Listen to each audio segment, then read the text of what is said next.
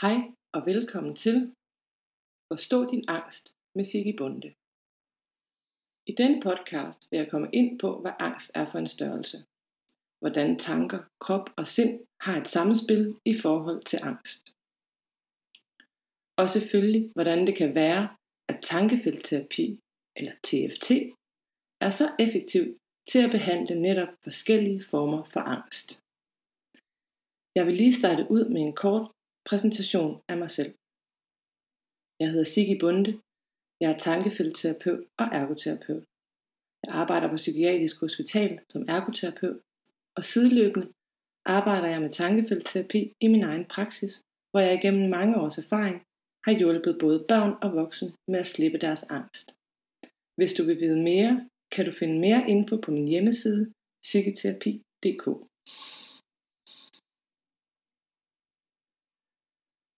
Grunden til, at jeg laver denne podcast, er, at jeg i den seneste tid har fået rigtig mange henvendelser fra forældre, som oplever, at deres børn og unge har udviklet angst i forskellige former. Det kan være panikangst, generaliseret angst, hjemve, forskellige fobier, dødsangst, social angst, OCD, og listen er her desværre rigtig lang. Man kan undre sig over, hvorfor det i Danmark er en af de mest udbredte psykiske lidelser, nu vi har sådan et dejligt og trygt land. Ikke desto mindre er det i høj grad vores børn og unge, som rammes af angst, og der kommer flere til hver dag. Alle disse henvendelser har givet mig et kærligt skub i ryggen i forhold til at brede budskabet om tankefeltterapi og angst. For mig er det næsten ikke til at bære, at vi har så mange børn og unge, men også voksne, der udvikler angst i denne tid. Angst kan være en diffus størrelse, og de fleste, som lider af angst, har svært ved at sætte ord på det ubehag, de oplever. Det er helt individuelt, hvilke fysiske symptomer, der opleves. De mest klassiske er hjertebanken, åndenød, trykken for brystet, svimmelhed og kvalme. Listen her er lang, fordi det er så forskelligt, hvordan det viser sig kropsligt. De psykiske symptomer kan være tankemøller, de forskellige nedgørende tanker, eller katastrofetanker. Altså, der sker noget forfærdeligt, hvis jeg gør sådan, eller der sker noget forfærdeligt, hvis jeg ikke gør sådan. Disse tanker overlapper hinanden og udmunder sig i det, som oftest beskrives som at være i sine følelsers vold altså ude af stand til at tænke eller handle rationelt. Det er voldsomt ubehageligt, og dertil kommer ofte en følelse af magtesløshed og dårligt selvværd.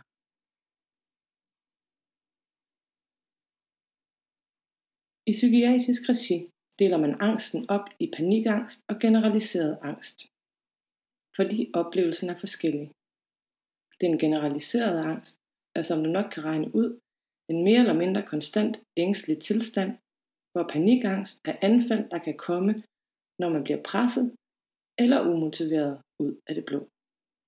Det er voldsomt ubehageligt og ekstremt invaliderende at leve med angst. Under angstlidelser finder vi også fobier, PTSD og OCD. Størstedelen af folk med angst beskriver det som om, at de er i deres følelsers vold. Lad os lige lade den hænge lidt. Vores følelsers vold. Sammenhæng mellem tanker, krop og sind. Vi kender alle sammen sammenhængen mellem f.eks. stress og mavesår.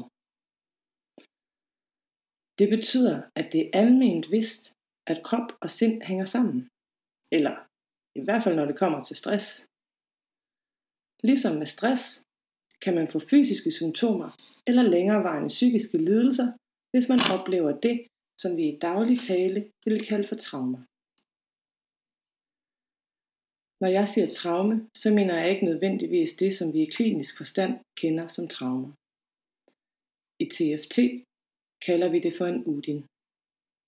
Det kan umiddelbart lyde lidt fjollet, men tanken bag det er lige i øjet. En udin er en forkortelse for, at der sker noget uventet, dramatisk, isolerende, og man har nul strategi. Så det behøver ikke at være noget ekstremt voldsomt, som for eksempel at overvære eller være udsat for et overgreb. Men det kan være, at man har følt sig udsat, shamed, eller at ens grænser er blevet overskrevet i en situation, hvor man ikke har haft værktøjerne eller strategierne for at komme ud af det på egen hånd. Nu vil jeg vende tilbage til det at være i sine følelsers vold, i angstens tilstand. Grunden til, at tankefeltterapi er så effektiv, når det drejer sig om angst og det at være i sine følelsers vold, er, at i tankefeltterapi arbejder vi nemlig kun i følelserne. Jeg plejer at beskrive det som om, at vi har flere forskellige hjerner. En tænkehjerne, en følehjerne og en kropshjerne. Dette er den korte udgave, for der er flere hjerner, men dem udlader jeg lige for nuværende. Disse hjerner er hver især helt unikke og super uundværlige, men de kommunikerer ikke altid lige godt sammen. Tænkehjernen er genial, men den taler ikke samme sprog som følehjernen. For hvis den gjorde, så kunne vi jo bare sige til mennesker med angst, at de skal lade være med at være bange, for der er jo ikke noget at være bange for. Følehjernen er noget for sig. Den kender for eksempel ikke til tid, så der er ikke udløbsdato på følelserne. Med det mener jeg, at man for eksempel stadigvæk kan opleve angst, selvom det er to eller 30 år siden, man havde en traumatiserende oplevelse. En uding. Hvis følehjernen er trigget i en angstlignende tilstand, kan det være svært eller nærmest umuligt at tænke sig ud af det. Hos folk med angst sidder følehjernen tidsløst fast i en udin. Kropshjernen husker. Den lærer udiner i cellerne. Her kan trigger aktivere angstfølelsen, selvom der ikke er fare på færre. Trigger kan være mange ting, og de afhænger af udinden. Det kan være alt lige fra fugle, folkemængder, en lugt, et sted, en årstid, en bestemt profession, f.eks. en tandlæge. Når kroppen trigges, starter den flux op med de fysiske symptomer, som nævnt tidligere. Det gør den for at fortælle os, at der er fare på færre. Ved angstsymptomer starter vores instinktive reaktioner, såsom flygt, frys, kæmp. Det vil sige, at vores krop enten reagerer med, at vi skal flygte, skynde os væk, fryse, gå i stå eller spille død, eller kæmpe, gå til angreb og kæmpe for livet. Hjertet banker hurtigt, og hele systemet er oppe i højeste beredskab, og der har vi angstsymptomerne.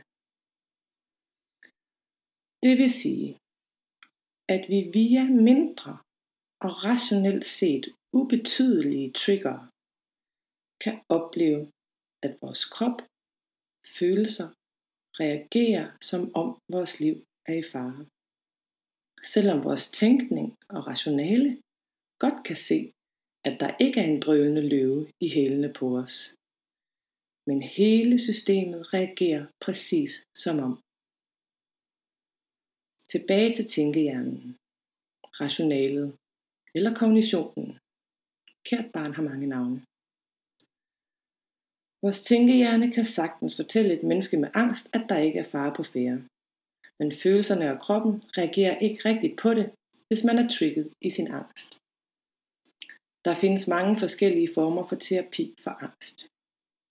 Den mest udbredte i vores etablerede system er kognitiv adfærdsterapi. Det virker, men det kommer ofte til at være et lange, opslidende forløb, der tager måneder eller måske år, før man oplever en væsentlig bedring. Her er tanken, at man skal eksponeres, altså udsættes for det, som trigger ens angst. I trygge rammer, bitte små skridt, indtil ens system erfarer, at det ikke er farligt. Det er ofte et langt sejt træk at blive ven med sin angst, at lære at leve med angsten som livsvilkår. Og så er spørgsmålet jo så, om man vil lære at leve med det, eller om man vil slippe helt af med det. Det er måske et lidt dumt spørgsmål. Men lad os da komme af med det, hvis det er muligt. Min erfaring og mange andre tankefeltterapeuters erfaringer er, at man godt kan blive sin angst kvidt. Faktisk noget nemmere, end man lige skulle tro. Det er selvfølgelig ikke helt uden, at man selv skal gøre et stykke arbejde. Men med et lille stykke arbejde, hvis du spørger mig, holdt op imod et almindeligt psykoterapeutisk forløb med eksempelvis kognitiv terapi som terapiform. Arbejdet i tankefeltterapi består i, at man selv skal være motiveret for at komme af sin angst. Dernæst skal man ture at mærke det, man føler. At give det plads for en stund.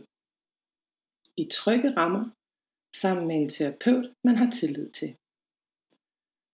Imens gør terapeuten sit arbejde, stiller spørgsmål og tapper forsigtigt på punkter på kroppen. Punkterne sidder på hænder, overkrop og på hovedet. I denne lidt underlige terapiform forløses de følelser og trigger, som sidder fast.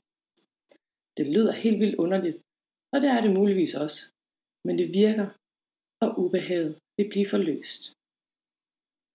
Ydermere fortæller mine erfaringer, at børn og unge er exceptionelt gode til at modtage tankefeltterapi og få stort udbytte af det, fordi de ikke har opbygget de samme filtre og strategier igennem flere år for ikke at føle deres følelser. Så du kan trygt sende dit barn til en tankefeltterapeut.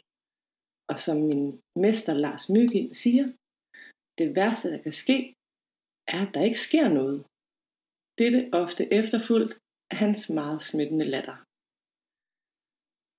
Tak fordi du tog dig tid til at lytte med i min podcast om angst og tankefeltterapi. Det kan endda være, at du er blevet nysgerrig på, hvad TFT er og hvad det kan. I så fald kan du holde dig opdateret og finde mere viden på psykoterapi.dk.